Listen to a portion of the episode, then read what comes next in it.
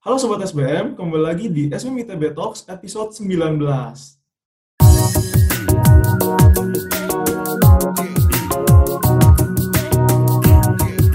Perkenalkan, nama aku Christopherus Ferdian Pradana atau biasa dipanggil Ferdi, mahasiswa manajemen 2021 dan pada hari ini aku bersama dengan Ibu Sylviana Maya bakal bincang-bincang tentang financial literasi.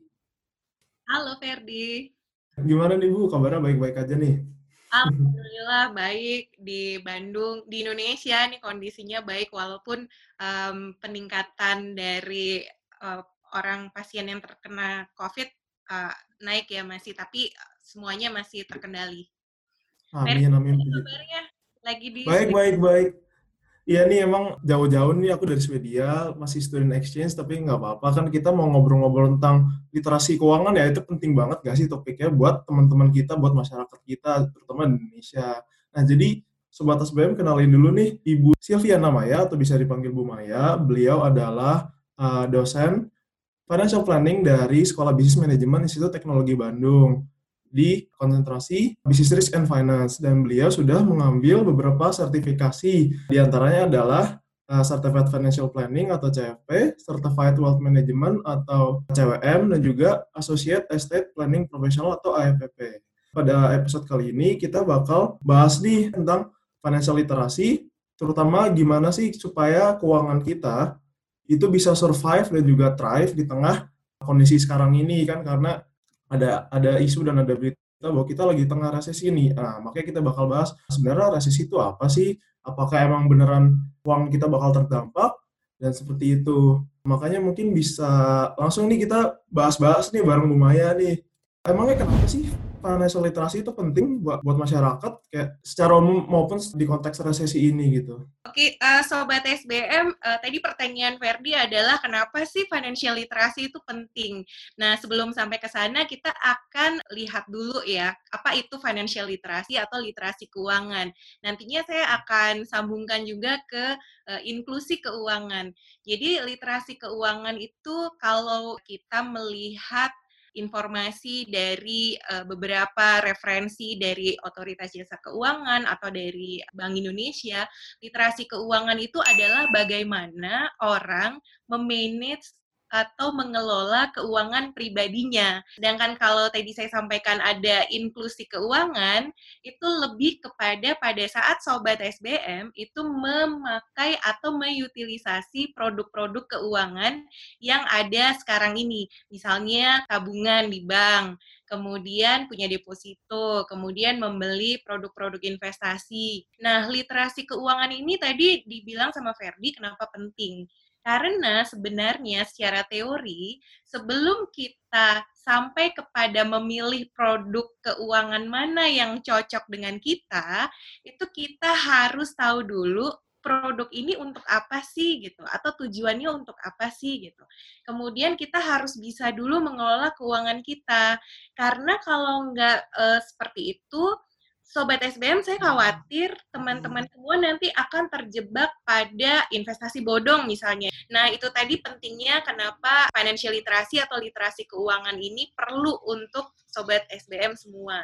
Di samping kita juga bisa melihat data yang disampaikan oleh otoritas jasa keuangan bahwa di tahun 2016 itu uh, eh, OJK membuat survei literasi keuangan di Indonesia sebesar 29,7 persen, sedangkan untuk inklusi keuangannya sebesar 67,8 persen, hampir 68 persen ya.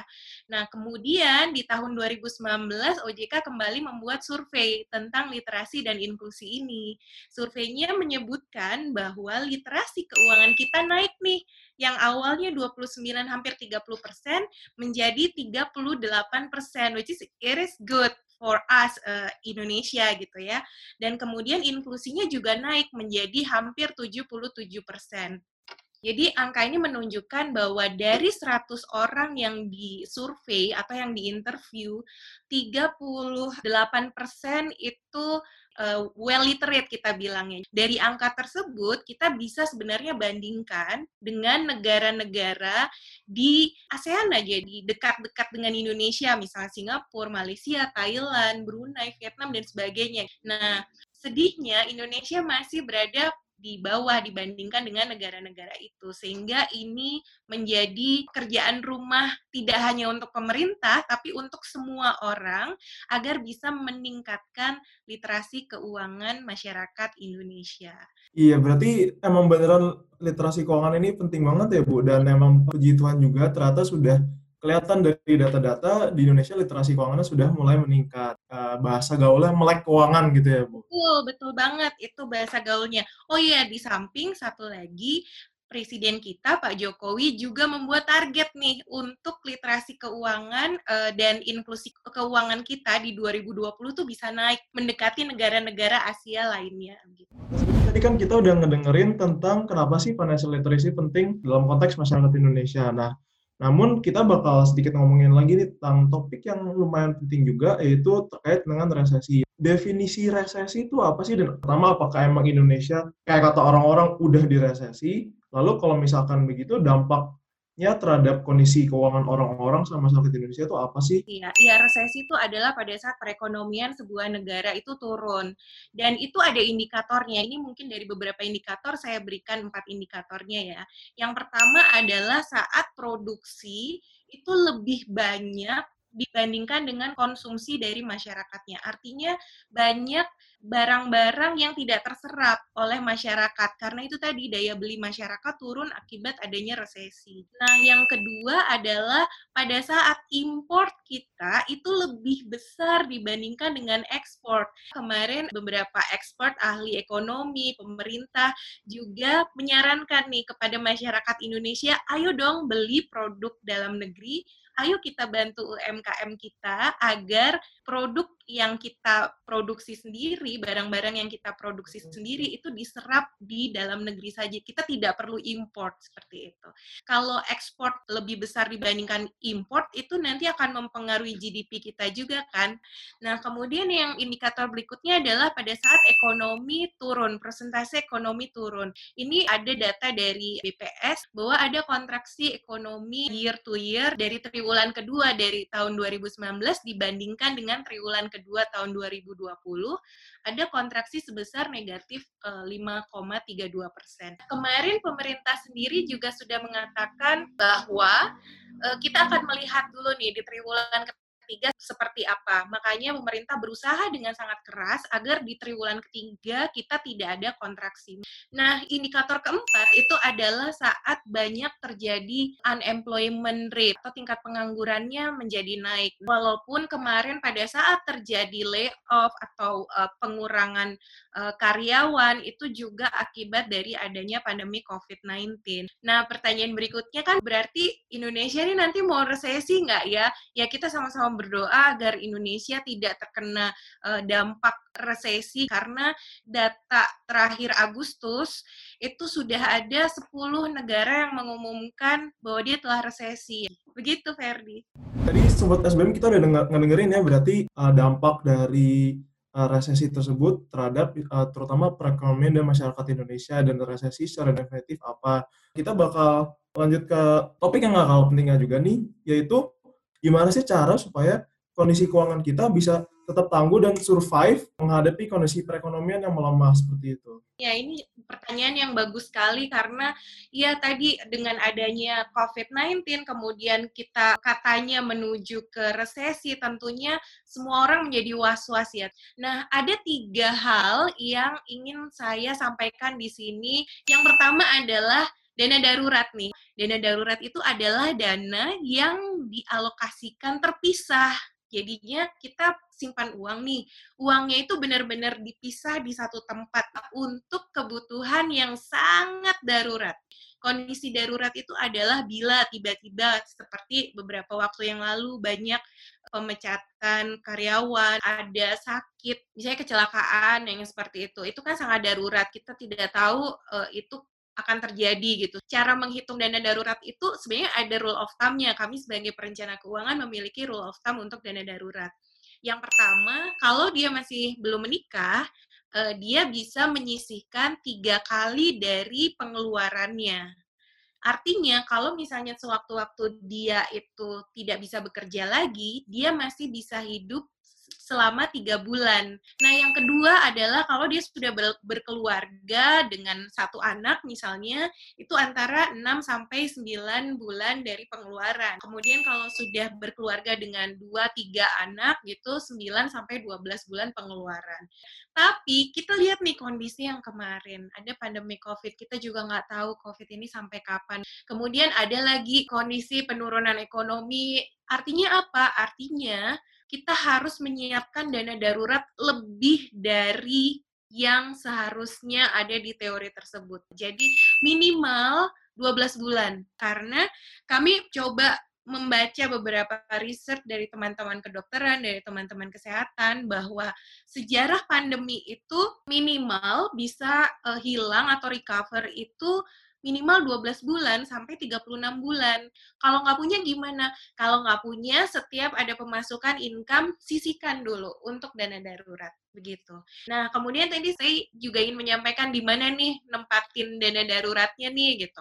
Karena kondisi darurat itu sewaktu-waktu dana ini harus bisa diakses, artinya kita harus tempatkannya di tempat yang mudah diakses, kemudian yang gampang dicairkan, dan aman atau risikonya kecil.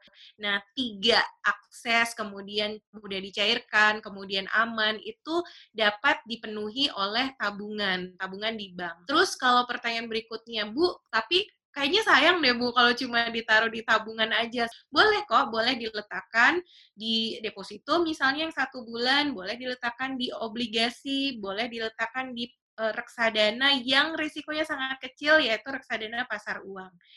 Nah, yang berikutnya itu adalah bagaimana kita memanage uh, atau mengelola cash flow atau arus kas kita.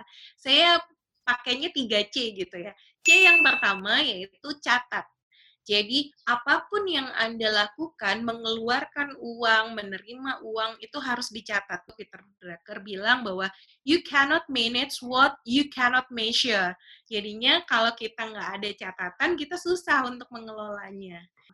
Nah, C yang kedua adalah cek. Jadi, cek kondisi kesehatan keuangan kita. Jadi financial health check up. Jadi nggak cuma kesehatan badan kita juga ya, tapi uh, keuangan juga harus dicek kondisi kesehatannya gitu. Nah, bagaimana caranya? Kita lihat di akhir pendapatan dikurangi dengan pengeluaran itu hasilnya apa? Surplus atau defisit. Kalau surplus aman nih berarti artinya kita bisa juga uh, investasi. Nah, kemudian kalau defisit seperti apa? Kalau defisit berarti kita harus cek kembali pengeluaran-pengeluaran kita seperti apa yang tidak diperlukan. Misalnya, Bu saya kalau nggak beli kopi di merek itu kayaknya nggak suka deh, nggak enak deh gitu. Nah, kita bisa coba untuk belajar bikin kopi sendiri. Kemudian tentunya dievaluasi dari kondisi keuangan kita. Evaluasinya sebenarnya gampang banget kok, Ferdi dan Sobat SBM semuanya ya gitu semuanya pasti punya yang namanya uh, mobile banking nih. Rata-rata pasti punya yang namanya mobile banking. Nah, di situ ada data mutasi bulanan atau uh, berapa bulan dari catatan keuangan kita kan. Nah, di situ kita lihat mana yang paling banyak atau prosentase terbesar dari pengeluaran kita. Segampang itu untuk mengevaluasi. Kalau misalnya ini nggak perlu, ya udah bulan depan jangan dilakukan gitu. C yang ketiga adalah cek prioritas kita. Nah, prioritas di keuangan itu ada tiga, Sobat SBM. Jadi yang pertama adalah wajib. Pengeluaran yang wajib. Pengeluaran yang wajib misalnya cicilan kartu kredit nih wajib harus dibayar. Kalau enggak nanti bunganya akan jauh lebih besar. Kemudian cicilan kredit lainnya KPR, KPA, KPM dan segala macam untuk bisnis. Nah, yang ketiga misalnya SPP, tuition fee. Mau nggak mau harus bayar SPP kan. Kemudian ada premi asuransi. Kemudian ada pengeluaran yang butuh. Nah, butuh ini untuk primer nih, kebutuhan primer saya bilangnya, yaitu makanan, kesehatan dan keamanan atau sandang pangan papan lah ya. Gitu. Nah, itu adalah kebutuhan kita. Nah, ada lagi yang ingin ini atau nice to have yang tadi beli kopi satu gelas kopi 30.000 cari substitusinya untuk uh, model yang nice to have ini atau ingin ini. Yang ketiga, dari mm, manajemen atau bagaimana kita menyikapi adanya dampak COVID atau resesi ini adalah kita memanage atau mengelola utang. Nah, utang itu kan dibagi jadi dua nih. ada utang konsumtif dan ada utang produktif. Utang konsumtif misalnya uh, kartu kredit, pinjaman online yang um, untuk membeli barang-barang yang nilainya terdepresiasi, dikurangi yang seperti itu utang konsumtif. Kalau utang produktif masih boleh, yang penting asetnya dia naik. Misalnya rumah, kemudian bisnis seperti itu. Gimana nih kalau misalnya kita sudah utangnya terlalu banyak? Oke, di dalam teori keuangan ada namanya debt stack. Nah, debt stack ini adalah kita menuliskan kita buat matriks gitu ya.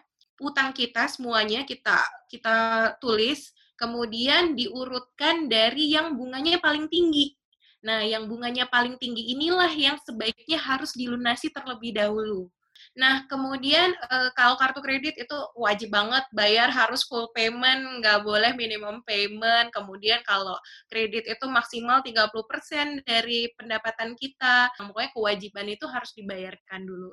Di samping sebenarnya pemerintah juga mengeluarkan melalui OJK ya, OJK mengeluarkan peraturan terkait dengan stimulus uh, perekonomian nasional itu sebagai kebijakan untuk counter cyclical kita bilangnya dampak penyebaran uh, coronavirus disease 2019. Jadi ini tuh untuk relaksasi kredit. Jadi buat teman-teman yang mempunyai uh, kredit atau mempunyai utang sebenarnya bisa mengajukan untuk relaksasi kredit tapi tentunya dengan syarat-syarat tertentu begitu. Ya, jadi sobat SBM penting banget yang udah disampaikan sama Bu Maya. Banyak banget ya yang bisa kita ambil insight-insightnya. Lalu Bu Maya aku ada pertanyaan terakhir banget nih Bu, penasaran aja sih. Kalau tadi kan kita sudah bicara nih tentang gimana sih cara supaya kita keuangan bisa survive. Nah, namun aku sekarang pengen tahu gimana sih cara keuangan kita juga bisa thrive terutama lewat instrumen-instrumen investasi apa sih yang bisa kita gunakan untuk bisa tetap keuangan kita thrive. Kalau misalkan kita di Bumi kan udah sempat nyinggung reksadana pasar uang ya, nah, itu apakah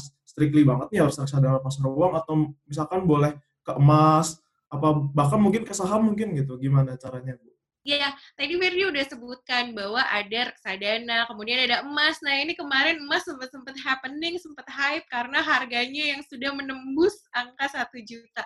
Nah, ngomong-ngomong tentang investasi, kalau di dunia perencana keuangan, investasi yang kita lakukan itu harus ada dasarnya. Dasarnya adalah apa sih tujuan keuangan kita biasanya kalau di kelas ya ibu suka cerita tentang dreams into goals.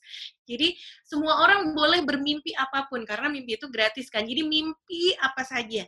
Nah, sekarang bagaimana caranya kita bisa mewujudkan mimpi itu menjadi goals kita? Biasanya bisa dibantu dengan adanya smart method kayak specific, measurement, kemudian attainable atau achievable, realistic and timely bound. Nah, bisa dibantu dengan metode itu. Nah, kalau kita sudah tahu tujuan keuangan kita, baru kita bisa memilih instrumen investasi apa yang tepat untuk tujuan-tujuan keuangan itu tadi. Yang pertama adalah short term period. Kalau yang jangka pendek itu kurang dari satu tahun gitu ya. Nah kalau untuk yang medium term uh, itu antara 1 sampai lima tahun. Kemudian untuk yang long term itu lebih dari lima tahun. Selain uh, kita tahu tujuan keuangan kita, kita juga harus tahu profil risiko pribadi kita. Banyak kok kuesioner uh, yang bisa dipakai teman teman atau sobat SBM bisa uh, googling aja uh, profil risiko kuesioner begitu ya. Uh, nanti bisa mendapatkan uh, isian dari profil risiko itu jadi kita bisa tahu kita posisinya ada di mana nih setelah kita tahu profil resiko kita, kemudian kita sudah memetakan mimpi kita, kemudian kita bisa langsung mencari atau menghitung dulu. Oke nih, kalau misalnya saya mau, contohnya ibu ya, ibu ingin traveling nih, traveling ke suatu tempat gitu, nanti setelah COVID hilang, setelah semuanya aman gitu ya. Kemudian e, dari situ saya cari nih, oke kalau mau menuju ke tempat ini, bagaimana caranya akomodasinya, transportasinya, kemudian waktu atau bulan yang tepat nih untuk uh, pergi ke tempat itu. Nah, kalau sudah, kemudian kita hitung mundur. Kalau gitu, dari sekarang untuk mencapai tujuan itu, saya harus invest berapa ya per bulan. Terus pasti sobat SBM semuanya uh, bingung kok Bu Maya nggak bilang nabung, kok bilang invest gitu. Ya, jadi begini, menabung dan berinvestasi adalah dua hal yang berbeda. Jadi, kalau menabung itu ya di tabungan begitu ya. Artinya imbal hasilnya itu tidak bisa mengalahkan inflasi. Sedangkan kalau investasi itu imbal hasilnya harus bisa mengalahkan inflasi. Makanya tadi Ferdi bilang bahwa investasi kita tuh harus tumbuh. Harus tumbuh itu caranya harus bisa mengalahkan inflasi. Oke, berikutnya memilih produk investasinya kan. Nah, memilih produk investasi tentu disesuaikan pertama jangka waktunya dan profil risikonya. Namun, kalau teman-teman memang untuk jangka panjang, contohnya nih, teman-teman yang sudah bekerja pasti juga harus sudah memikirkan tentang pensiun. Walaupun baru hari pertama kerja nih, harus mikirin pensiun. Nanti saya pensiun dapat berapa, atau saya nanti pensiun dapat dari perusahaan atau enggak, saya dapat dari pemerintah atau tidak, terus uang pensiun saya cukup atau enggak. Itu kan jangka panjang nih. Teman-teman bisa letakkan investasi tersebut ke produk investasi yang resikonya lebih tinggi. Sehingga kita bisa bagi nih kalau untuk jangka pendek tentunya cari hmm, produk investasi yang resikonya kecil. Kalau untuk jangka menengah ya antara kecil sampai uh, menengah. Kemudian jangka panjang yang lebih tinggi boleh resikonya itu uh, produk investasinya itu. Namun tetap ya teman-teman kalau uh, sobat SBM uh, ingin meletakkan dana uh, dananya ke investasi tetap harus melihat atau mempelajari produk investasi tersebut. Misalnya, Bu Maya saya kayaknya uh, profil resikonya very konservatif misalnya. Sih nggak berani nih taruh di produk investasi yang uh, risikonya tinggi gitu. Nggak apa-apa gitu. Yang penting sobat SBM harus tahu harus belajar lah harus belajar tentang produk itu. Kalau emas mungkin banyak pertanyaan kayak sekarang mending beli emas nggak ya? Gitu. Nah emas ini sebenarnya produk kayak safe haven gitu ya. Jadi dia lindung nilai gitu. Um, untuk melindungi aset kita dari inflasi yang terjadi. Jadi emas itu untuk jangka panjang banget. Jadi, oke okay, Anda boleh membeli emas tapi itu untuk jangka panjang, tidak untuk jangka pendek. Di samping yang namanya investor itu berbeda dengan trader. Kalau investor itu harus investasinya diletakkan minimal setahun gitu ya. Tapi kalau trader yaitu bisa harian, detikan, bulanan itu trader. Nah, kita sekarang pilihannya pada kita, mau jadi trader atau mau jadi investor. Tapi saya sarankan untuk perencanaan keuangan ini, Anda sebaiknya menjadi investor atau investasinya untuk jangka panjang. Begitu, Sobat SBM, Ferdi. Iya, makasih banget Bu Maya atas insight-insightnya. Powerful banget ya insight-nya buat kita terapin di kehidupan nyata. Oke, jadi Sobat SBM, hal yang bisa kita ambil dari diskusi kita bareng Bu Maya tadi adalah terus tingkatkan financial literasi kita dan juga terus jaga dan kembangkan kondisi keuangan kita dengan cara menyisihkan dana darurat dan juga tidak lupa berinvestasi supaya kondisi keuangan kita tetap survive dan juga thrive di kondisi seperti ini. Di Sobat SBM jangan lupa untuk like, comment, and share video ini dan juga untuk subscribe di channel SBM ITB. Juga pantengin terus video-video terbaru dari kami setiap hari Senin jam 7 malam. Jangan lupa juga untuk follow Spotify kami di SBM ITB Talks. Sampai jumpa di SBM ITB Talk selanjutnya. Bye-bye. SBM ITB for the greater good.